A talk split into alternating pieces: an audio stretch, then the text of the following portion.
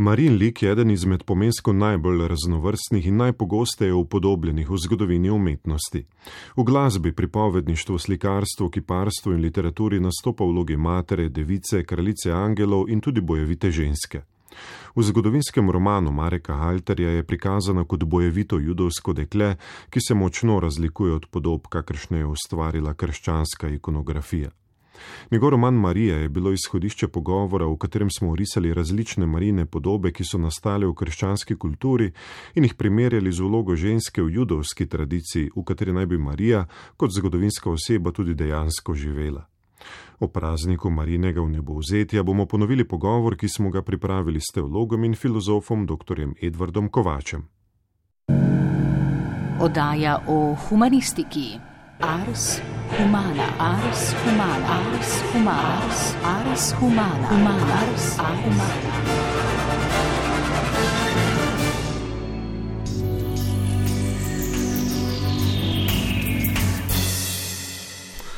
Marija je živela konec prvega stoletja pred našim štetjem, bila je judinja, za judovsko kulturo in identiteto pa ima velik pomen religija. Kakšno vlogo ima ženska v judovski duhovnosti? V judovski kulturi igra podoba ženske izjemno vlogo. Kaj ti moramo reči, da je judovstvo uveljavilo monoteizem, se pravi eno boštvo. Eh, Vira venega Boga se je pojavila že poprej pri egipčanih, vendar ni obstala. Zakaj je obstala pri judih? Morda ravno zaradi ženske ali spoštovanja žene.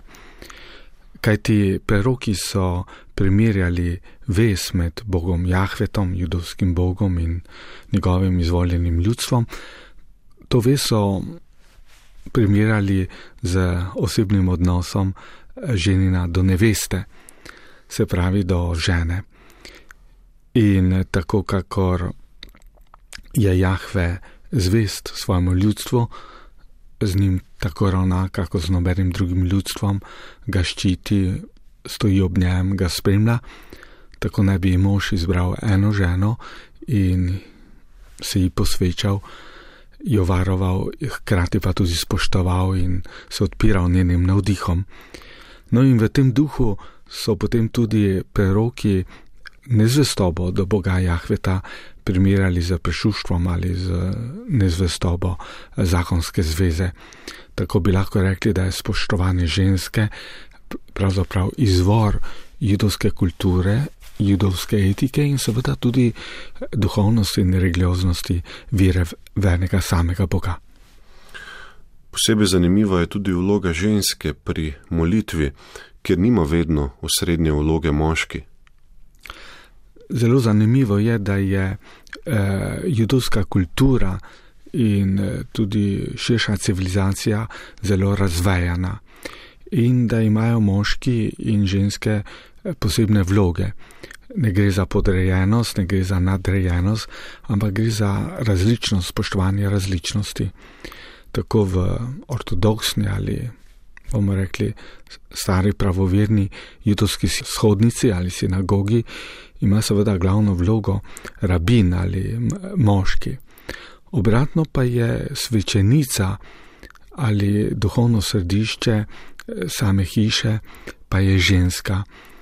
In v tem duhu še danes, v petek zvečer, ko se začne praznovanje sobote ali šabata, je žena ali mati tista, ki vodi liturgijo. Ona prižge sveče, ona si zakrije obraz, ona zapoje. Še ima Izrael, Adonaj Elohim, Adonaj RK. Se pravi, poslušaj Izrael, Bog je tvoj edini gospod, on edini. No in v tem duhu lahko rečemo, da je ona tista, ki ne drži samo tri vogale hiše, ampak vse štiri po konci.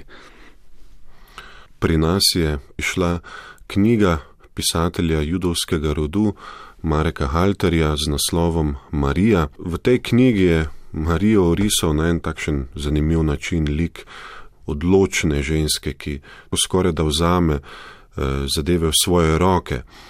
Pravzaprav se ta podoba lahko zelo razlikuje od neke tiste klasične, tradicionalne podobe Marije, ki jo poznamo v krščanski kulturi. Ta knjiga lahko rečemo brez lažne skromnosti, da je velika obogatitev za slovenski kulturni prostor ali pa tudi za naše duhovno obzorje. Moramo priznati, da je podoba Marije, Jezusove matere ali tudi Bogorodice bila vseeno pod plivom eh, orientalne miselnosti, eh, patrihalne družbe, patrihalne družine, tudi pod plivom eh, rimskega prava, ki ni dajalo pravice, saj ne tolikšne, kakršne je imela v judovski tradiciji. In prednost pisatelja Marega Halterja je prav v tem, da se neposredno navezuje na judovsko tradicijo, ne samo ta, ki je sedaj živa, ampak tudi na stare judovske dokumente in nekako ugotavlja, da je v Jezusovem času bila vloga žene in matere čisto nekaj drugega v družbi in v družini, da ni šlo za pohlevno ženo, za tisto mater, ki je skrita in ki odaleč samo opazuje dogodke, ampak da je šlo za ženo Izraela, ki je v osrčju dogajanja. Lahko upozorimo tudi na dva takšna lika, ki bi ju lahko tudi mi poznamo, to je prorokinja Mirjam, Mojzesova sestra v Bibliji in pa seveda tudi ognjevita Judita. E, zakaj gre? Namreč takrat, ko izraelski vojščaki odpovedo, ko kralji odpovedo, ko preroki utihnejo, takrat nastopi žena, žena Izraela, ki povede svoje ljudstvo v boj, ki mu dvigne samozavest in ki mu pomaga, da, da obstane. No in v tem duhu tudi Marek Halter opozarja, da Kristus eh, kar dvakrat nagovori svojo mati žena, žena Izraela in da ji daje to, ta vzdevek odličnosti, izjemnosti.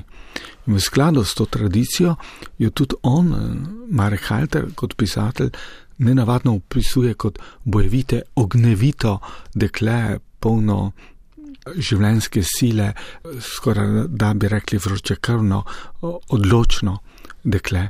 Seveda te podobe nismo vajeni in zato lahko rečem, da je ta knjiga izjemna obogatitev eh, našega duhovnega in kulturnega obzorja. Ali v krščanski umetnosti, literaturi obstaja daljše obdobje, ko Marija ni prikazana le v tej tradicionalni vlogi kot ponižna božja izbranka, žena mati, seveda na teh podobah, ki prikazujejo njeno zemeljsko življenje. No, uh, vsekakor uh, lahko rečemo, da se je tudi uh, krščanska ikonografija uh, odkupila za to podobo pohlevne matere ali, ali tiste mile ne, nedolžne žene in dekleta, ki ni v srču dogajanja, ampak nekako trpi in se prenaša, ko opazuje, kaj se dogaja. In ta druga podoba je podoba Marije v slavi, najprej njeno vnebozetje, se pravi, da veličasno odhaja v večnost in potem pa tudi matere kraljice. In eh, globje gremo v zgodovino, bolj vidimo, kako je bila Marija izjemna kot tista kraljica ali taki sinu pomaga vladati vesolje, urejati svojo ljubeznijo, svojo daritvijo. Tako jo že v šestem stoletju najdemo v apsidi Efrazijeve starokrščanske bazilike v Poreču, ker Marija nadomešča vladarja vesolstva, Kristusa Pantokratorja in ta podoba, ta mozaik je nekaj izjemnega, se pravi, da je ona tista, ki, bomo rekli, navdihuje ali prežarja svet. Je pa še neka druga stvar, ki je zelo zanimiva. Namreč eh, same podobe seveda se javljajo kasneje, prek, najprej preko ikon in seveda potem preko fresk, mozaikov, tudi najbolj čudovite ali pa izjemne marine podobe so literarne podobe.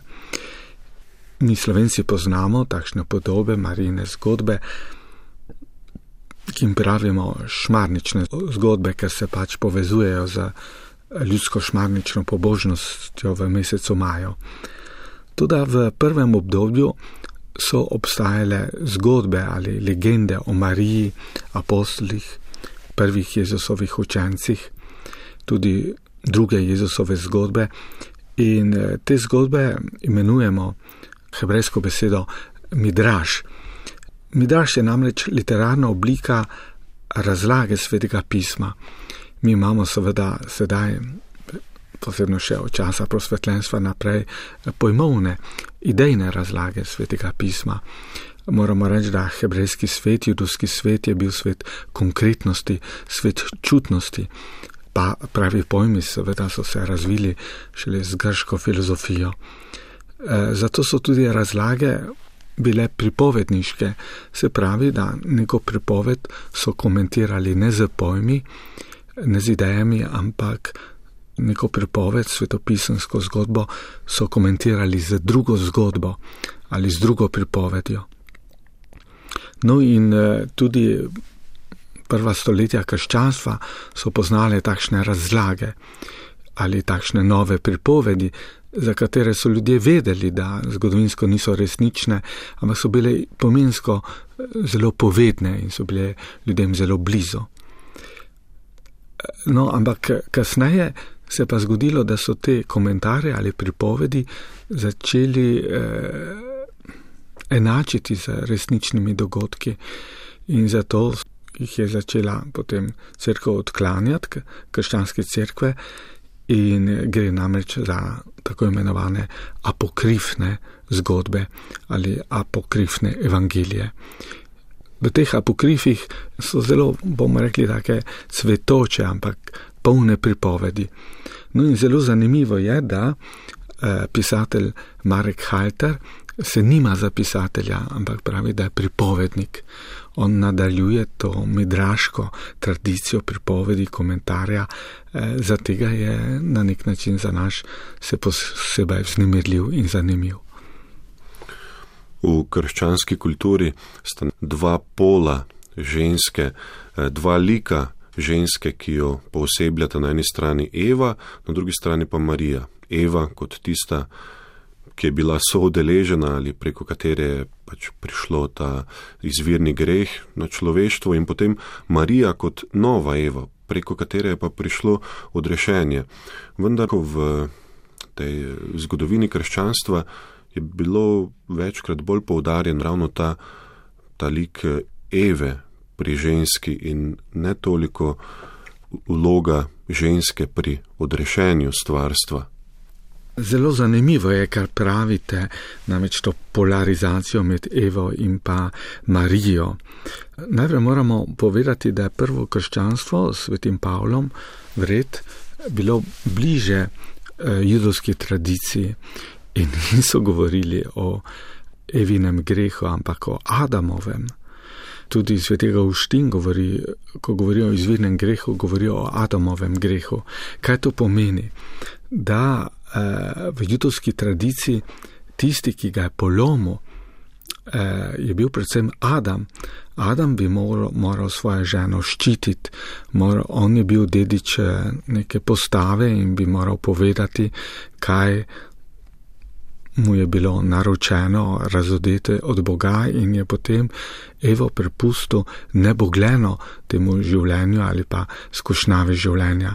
Se pravi, govorijo o Adamovem pacu ali pa Adamovi nezvestobi in nasproti Adama potem postavljajo Kristusa, ta pa ni bil ljubosumen, ta pa do Boga, ta se pa ni hotel z napuhom postavljati nad njim, ampak ta je ostal v sožitju z Bogom, eh, seveda z ljudmi in pa tudi z naravo. No, ampak kasneje vidimo, da se je pač v tih otapu ta eh, malo stoični ali pa potem tudi perzijsko-dualistični, manihistični pogled na žensko. In potem eh, je ta tok potreboval simbol nepopolne človeškosti ali simbol bomo rekli, človekove slabosti, krhkosti, pa tudi grešnosti. In tako je začela igrati eh, veliko vlogo tudi podoba Eve. No, ampak eh, vseeno moramo biti pravični in reči, da je krščanstvo imelo pač eh, večplastno pojmovanje žene, če na eni strani žena tista, ki je veliko bolj krhka, nebogljena in pač tudi moralno nemočna in potrebuje zaščito moža, je pa drugi strani tudi podoba žene Izraela, ki je Marija, se pravi, ki je močnejša, ki je pa pogumnejša kakor moški, ki je kraljica njegovega srca in ki človeku, človeštvu nasploh pomaga, da stori tisto, zastavi korake, ki jih sicer nikoli ne bi bilo zmožno.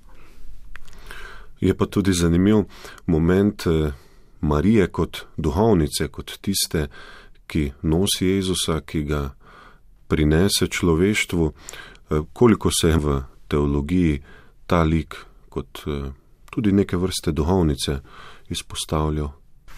Eh, zelo zanimivo je, da je vloga žene znotraj krščanstva bila ključnega pomena.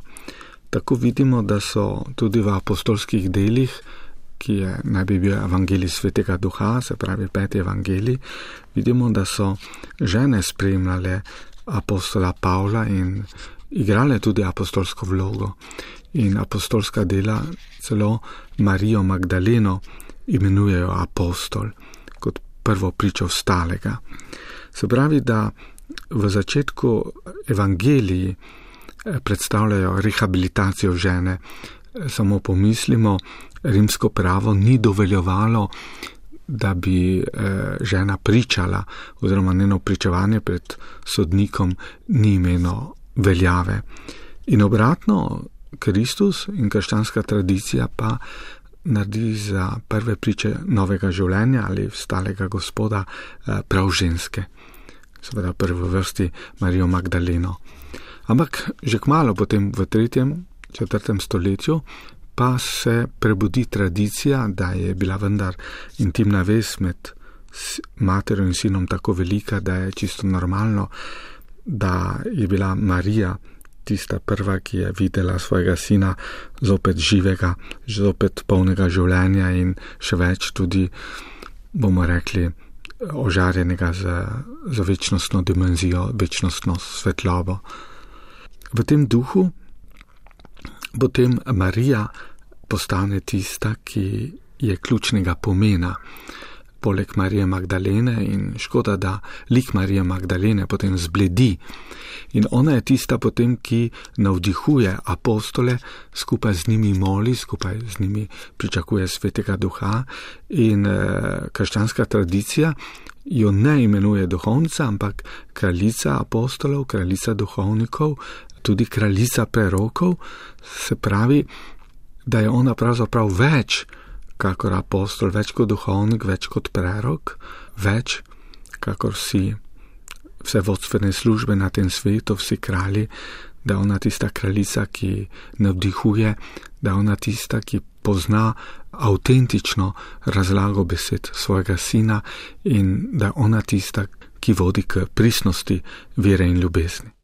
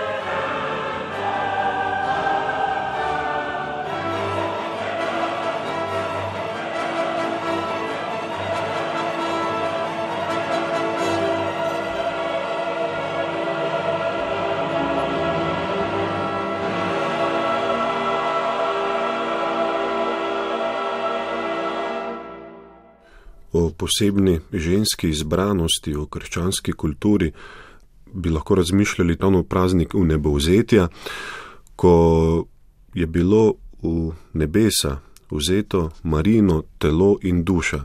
To se je pravzaprav kot prvemu človeku zgodilo ravno ženski. Zdaj, po krščanskem verovanju je Jezus šel v nebohod, je imel v nebohod, ampak v, v nebesa je pa bilo vzeto telo ravno žene in iz tega bi lahko res izhajalo takšno zanimivo razmišljanje v posebni izbranosti ženskega spola, o tem je pa tudi govoril že Tomaš Akvinski. Ja, to je zelo zanimivo, da eh, je na eni strani, bomo rekli, znotraj eh, krščanskega pojmovanja Boga, ki je množstvo oseb, ki je eh, bogatstvo osebnih odnosov, da je sveta trojica, nekako pridemo do tega, da je čisto naravno ali pa znotraj te duhovnosti je tudi logično, da Kristus sam odhaja k očetu in za seboj, da bo popeljal ne samo človeka, ampak v svet in da se bo v svet na nek način poduhovil, da bo novo nebo in nova zemlja. Je pa zanimivo, da potem obstaja neko zgolj človeško bitje, ki je pa nekako predhodnica ali kjer se to dogodi pred časom in to je Marija in prav ženska.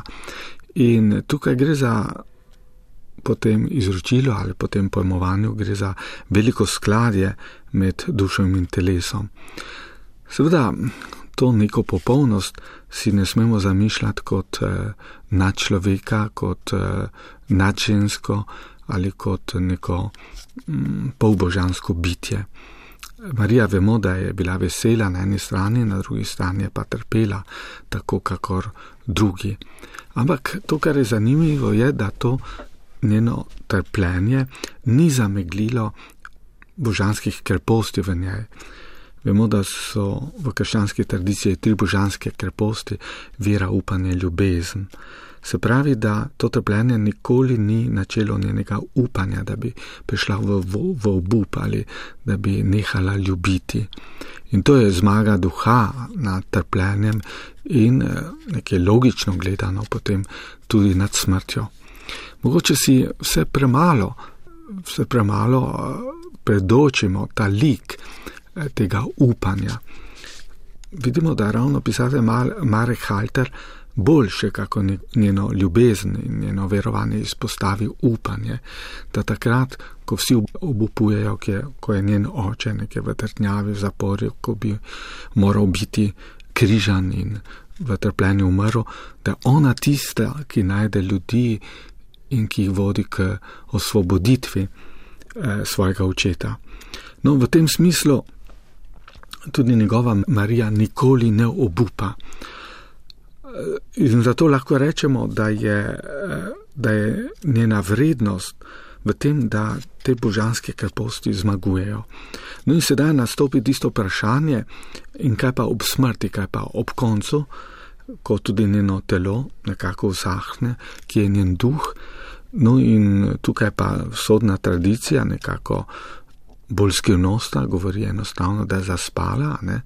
da je izginila z tega sveta, smo nekih, nekako zaviti v skrivnost, Zahod pa je nekako mm, popredmeten, si mora nekako vizualno vse predstavljati, težko živi s skrivnostjo in zato potem govori o prispodobah eh, v nebovzetja. V čem pa gre pri tem zaspanju? Pravzaprav govorimo o mistiki zaspanja. Ja, eh, gledajte, tu imamo zdaj dvoje pojmovanja. Na eni strani je nam zelo blizu pojmovanje Platona in platonizma, da pač človeška duša neumrljiva, da duh ne more umreti. Sveda, krščanstvo se ločuje od platonizma, ta duša ni večna, je ustvarjena, je, je v času začela bivati. Ampak tukaj gre za neko čisto logičnost, eh, logično jasnost, da duša, ki je, ki je duh, enostavno ni materialna, ne more razpast in po svoji naravi eh, nekako preživi stopa v večnost. No, nasproti tega platonizma in neoplatonizma pa je biblična misel, pa je judovska misel, ki govori o tem, da človek enostavno umre. umre z dušo in telesom. Se pravi, eh, ta tradicija smrt vzame veliko bolj resno. Vendar takrat lahko nastopi novo življenje, dar novega življenja. In ali je to nebozetje, ali je to vstajanje, vsako, vsekako gre za to, da ta večnostna dimenzija samega Boga podarja novo življenje celotnemu človeku. Seveda, razlage tega za grškimi pojmi so veliko bolj težavne. Ne? Edini, ki se je približal, da bi s pojmi raz, pojasnil ta pojav tega verovanja v krščanstvo, je bil Tomaš Akvinski, ki je dejal, da eh, je vedno razkorak med bistveno formo, se pravi, med dušo in telesom, in da telo vedno ni v skladu z to božansko dimenzijo človeka. No, pri Mariji pa je šlo za ta spoj, kljub pravemu trpljenju, pravi stiski, kot pravim, je vedno duh uspel telo zaobjeti, mu dati življenje in ker je šlo za tolikšen spoj, je ta, to človeško bitje bilo potem sposobno tudi sprijeti uh, ob smrti večnostno dimenzijo. In zato gotovo je pravzaprav bolj prisno vzhodno verovanje, ki kaže apostole ob, pri molitvi ob Mariji, ki počasi izginja izpred njih in stopa v neko drugo stvarnost, veliko bolj, kakor pa pač reko ta vesolska predstavitev odhajanja v nebo, ki, ki je pa lasna našemu zahodnemu svetu. V čem pa so tisti glavni poudarki ali razlike? V marijanski duhovnosti med katoličani, pravoslavnimi kristijani in protestanti. No, moramo reči, da med vzhodom in zahodom ni tolikšne razlike, kakor pa znotraj zahoda. Pravoslavna ali vzhodna krščanska tradicija je blizu katoliškemu izročilu. Se pravi, gre za verovanje, da je Marija ni samo Kristusova mati, ampak da je tudi Bogorodica, da je tudi Teodokos, ne samo Kristodokos. Se pravi, da je tudi Kristusovo telo ni bilo samo človeško, ampak je imelo tudi eh, božanske dimenzije. No, in v tem smislu je češčenje eh, Marije izjemno na sodo, je bi rekel, prav v srčju njihovega verovanja in imamo od eh, Efrema čudovite spise, eh, lepe himne, res čudovite eh, speve. No, in v tem, v tem temu duhu ali tej tradiciji sledi tudi zahodno-katoliška, da Marijo postavlja v osrčje preko verovanja neko tisto, ki bi bila sama eh, Bog ali božanstvo, ampak tisto, ki človeku kaže pot, da vendar z ljubeznijo, velikodušnostjo, zaupanjem možno prav vse premagati. In zaradi tega je bila človeško ljudem še veliko bližja in se je potem njeno češčenje, bomo rekli, zelo razmahnilo. No in na drugi strani pa imamo protestantsko Lutrovo eh, tradicijo, ki je sam še častil Marijo in tudi pisal pesmi, vendar se je potem njeno češčenje enostavno opustilo, kaj ti šlo je za ta neposredni odnos človeka z Bogom. Je pa zelo zanimiva neka stvar, da tudi zelo bi rekli tašni moderni teologi ali pa tiste, ki smo jih imeli za kontestatorje, oporečnike, za tiste, ki smo jih imeli preko za izjevalne do kraja provokativne, kot naprimer Hans King, on ravno meni izmed znameniti znamenitih svojih člankov. V eni izmed revij, eh, številke revij Concilium opozarja, da je eh, katoliška tradicija v zadnjem času preveč opustila razmislek o Mariji, da pravzaprav to je bogatstvo razmisleka o ženskem elementu znotraj verovanja in o, rekel, o vlogi žene, ki prenavlja svet, In zato tudi obratno, ravno teologija osvoboditve v Latinski Ameriki postavlja Marijo nekako v, sr, v srce svojega razmišljanja in preko nje se navdihuje tudi feministična kategorija in to so kategorije žene, ki, kot sem omenil, ki, ki ne, ne, da bi bila pohlevna ali odstranjena, ampak to je ta, ki nikoli ne izgubi upanja, ki je zmožna ljubiti onkraj kategorij, tudi onkraj, bomo rekli, miselnih ali teoloških kategorij in povzročiti ali pa manifestirati čudež na tem svetu.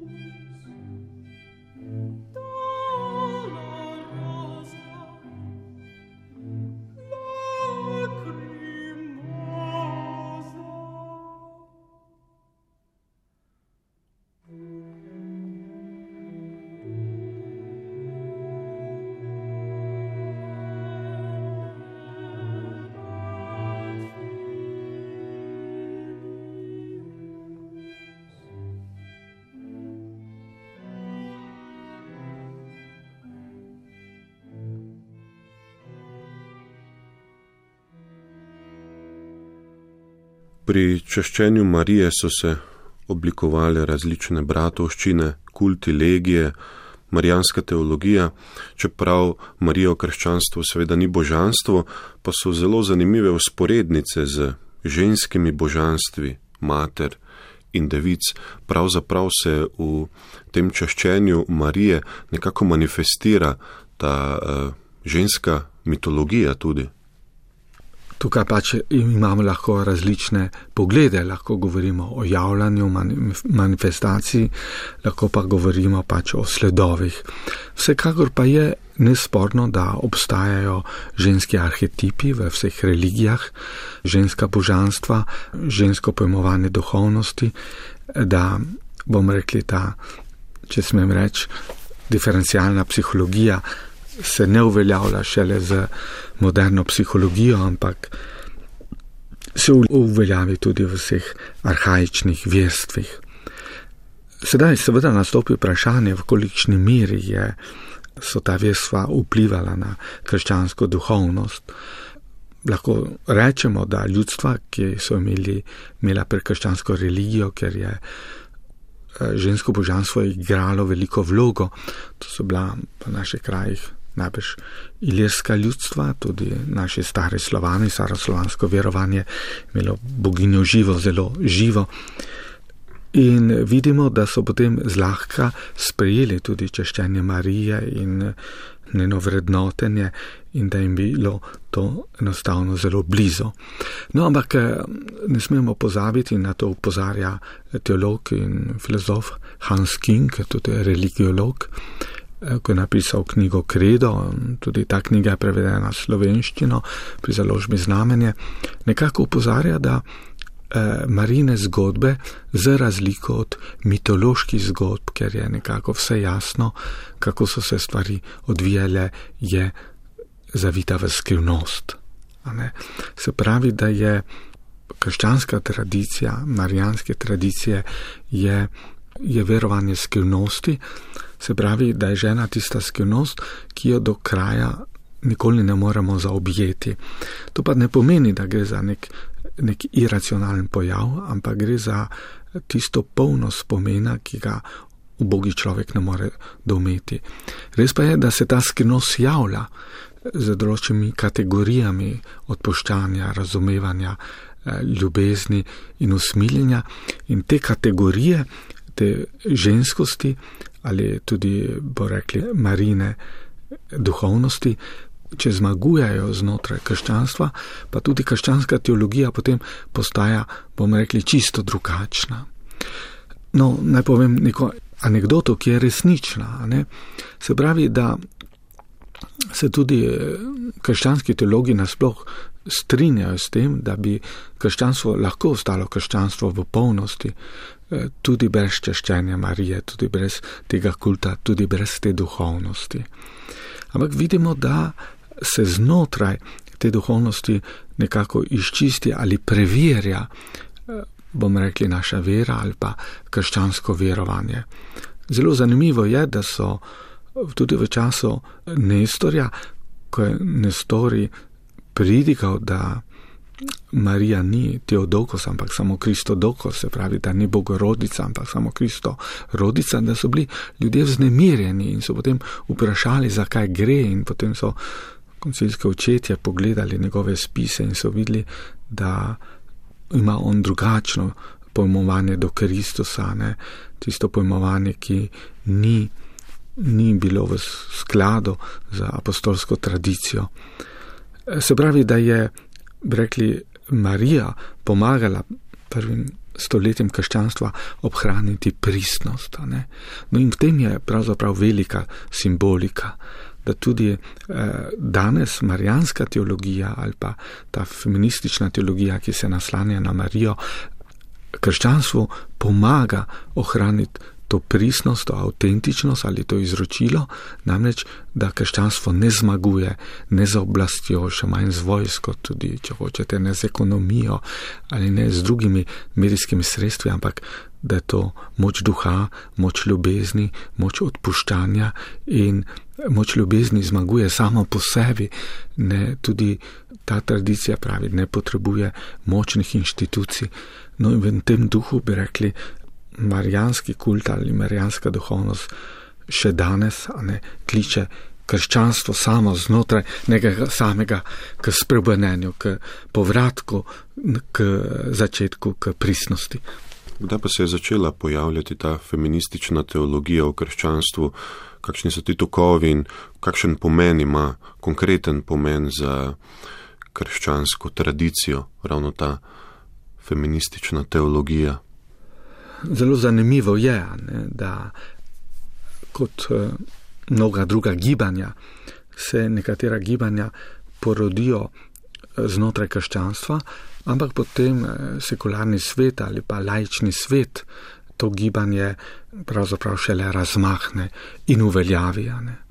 Tako naprimer tudi, če vzamemo eh, ideali francoske revolucije, revolucije, bratstvo, eh, enako, svoboda so pravzaprav krščanski ideali. Ampak eh, vidimo, da je to francoska revolucija uveljavljala brez krščanstva. No in tako je tudi, bomo rekli, za feminizmom. Reko feministično gibanje pravzaprav se začne samim pojavom krščanstva ali pa Pavlovimi crkvami, skupnostmi prvih krščanskih občin, ki so žene igrale izredno vlogo. No in kasneje vidimo, da to zamre, ampak zopet se rodijo duhovna gibanja in moramo reči, da zopet v 20. stoletju so lajična ali sekularna feministična gibanja, ki so veliko močnejša. No, in seveda, ampak ravno ta sekularna gibanja pomagajo tudi teologiji, da se zave svojega izvora, svoje polnosti, svoje tradicije. No, in seveda je pa vsega začetka tudi v moderni dobi krščanska feministična teologija nekoliko različna od sekularne ali od laične. E, namreč znotraj krščanskega feminističnega gibanja nikoli ni šlo za to, da bi imela žensko, ženska isto vlogo ali identično vlogo moškemu, ampak je šlo za uveljavljanje njene različnosti ali priznanje njene različnosti in seveda tudi zahtevo, da se ta različnost tudi znotraj crkvene skupnosti institucionalno prizna, a ne kar še danes ni do kraja rešeno. Ampak moramo reči, gre za vrednotenje ali pa podarjanje bogatstva te različnosti, brez katere bi kulturni duhovni svet, eh, tudi družbeni pojavni svet, bil zelo ubog. V čem pa bi lahko bil lik ali je lik Marije lahko aktualen za sodobno žensko, kje se lahko identificira z njo? Najprej seveda pomislimo na lik matere, kaj pa bi še lahko bilo drugega? Marijin lik je zanimiv, ker bi naj šlo za uh, ženo, ki je živela v polnosti v vseh dimenzijah. Ne. Gotovo je čisto naravna težna, da se vsako dekle ali žena ali marsikatera želi uresničiti kot mati, prinesti tudi novo življenje na svet. Vendar na drugi strani je poleg tega, da je Marija Božja mati, Kristusova mati, jo podarjajo tudi, da je ostala eh, dekle, se pravi, da je ostala deviška. In eh, to deviškost ne smemo pojmovati zgolj biologicistično, ampak deviškost v krščanski tradiciji pomeni, da nekdo pripada ali da je nekdo zapisan večnostni dimenziji in da ta večnostna dimenzija živi med nami. Se pravi, da je v njej tolikšna ljubezen do presežnega, do, do samega Boga, da, da se to zasali tudi v njenem življenju. Drugače povedano, Marija ni samo rodovitna s tem, da, da je mati, ampak je rodovitna tudi v svoji duhovnosti, svoji intelektualnosti, svojim delom. In zaradi tega Marija nekako bogati tudi današnjo, morda malo preveč osko pojmovanje, eh, reko katoliško pojmovanje žene, njene vloge, predvsem kot matere, ampak pokaže, da je ženska lahko tudi apostol, lahko dejavnik v družbi, da je lahko rodovitna na mnogotere načine, da je lahko ustvarjalna tudi še kje druge, kakor znotraj družine. Gre tako, tako imenovano za posvečeno življenje. Ampak ta, to posvečeno življenje ne gre samo za preko biti posvečen v molitvi, eh, v meditacijah, živeti za presežno, ampak gre tudi za posvečanje življenja za, za drugega človeka. Se pravi, tako kakor žena se v ljubezni predaja možu, tako kakor mati, ki, ki se predaja živi, celo žrtvuje kdaj za družino, tako se lahko žena v svetu predaja dobrim delom v družbi ali družbi sami ali tudi svojemu ustvarjalnemu umetniškemu talentu. Skratka, vsako dejavno dekle, vsaka ustvarjalna žena lahko najde v Mariji tisto dimenzijo ali tisto bogatstvo svojega, svoje duše in svojega življenja. Kako pa je z likom Marije v slovenski kulturi in literaturi? Zdi se, da, je, da so marijanske lasnosti eh, se zelo usidrale, še posebej v podobi slovenske matere ali naprimer v podobi cankarijanske matere kot trpeče, zavržene in ponižne. Ja, tukaj je zelo zanimivo, da ni samo španska duhovnost doloristična, ker vrednoti trpljenja Marije in njenega sina, ampak da je tudi slovenska duhovnost zelo doloristična, da imamo oltarje, imamo cerkvice posvečenje materi žalostni ali mati sedem žalostih. Drugače povedano, slovenska zgodovina je bila zelo težka, bila, bila je trpeča, ne samo da smo zgubljali svoje, svoje, svoje plemstvo, nismo imeli državnosti, ampak bile so tiste tri šibe srednjega veka, ki so se nadaljevale potem tudi v moderni čas, to je kuga, lakota in vojska. In bili so turški upadi, bili so fantje, možje so bili klicani na vojsko, k cesarju, skratka, naša zgodovina v bistvu je zelo tragična. No in v tem so se žene in matere prepoznale v Mariji in Marija svojo žalostjo je bila z njimi solidarna, vzajemna in je bila hkrati tudi tolažnica. Vendar pa moramo priznati, da ne gre samo za ta lik, ker smo slovenci zgodaj zgubili svoje plemstvo, smo potem tudi Marijo oklicali za svojo kraljico ali svojo zaščitnico, se pravi, nas je Marija ne samo potalažila, ampak tudi, bomo rekli, razveselila ali vzradostila. Tako v tej ljudski pesmi, poleg teh žalostnih, najdemo tudi nekaj radostnega. No, je pa seveda sedaj nastopi pa namreč še tretja, bomo rekli, dimenzija in eh, to je pa dimenzija, bomo rekli, kraljice apostolov ali kraljice perokov, da Marija bedi tudi nad krščansko cerkvijo, se pravi, da jo navdihuje, da jo probuja k radosti in veselju.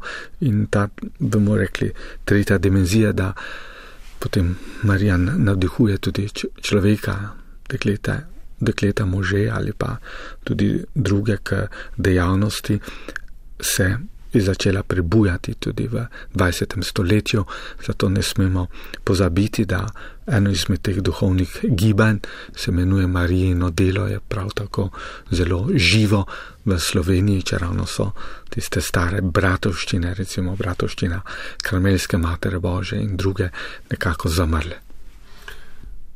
Gospod Edvard Kovač, hvala za ta pogovor na Veliki Šmaren. Ja, prav lepa hvala tudi vam. Eh, in če v teh poletnih dneh utegnete, vzemite v roke eh, knjigo Mareka Halterja, Marija, izdala jo Mohoreva družba, prijetno vas bo vznemirila in eh, največ tudi v marsičem spremenila vašo podobo v Mariji.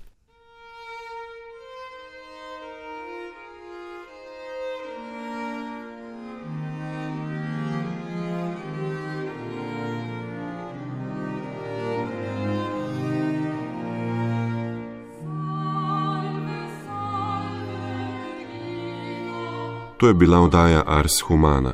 V njej smo na Veliki Šmaren med drugim govorili o marinem liku v judovski in krščanski kulturi. Gost je bil dr. Edvard Kovač, za tonsko izvedbo je poskrbel Grega Ahlin, oddajo sem pripravil Aleksandr Čobec.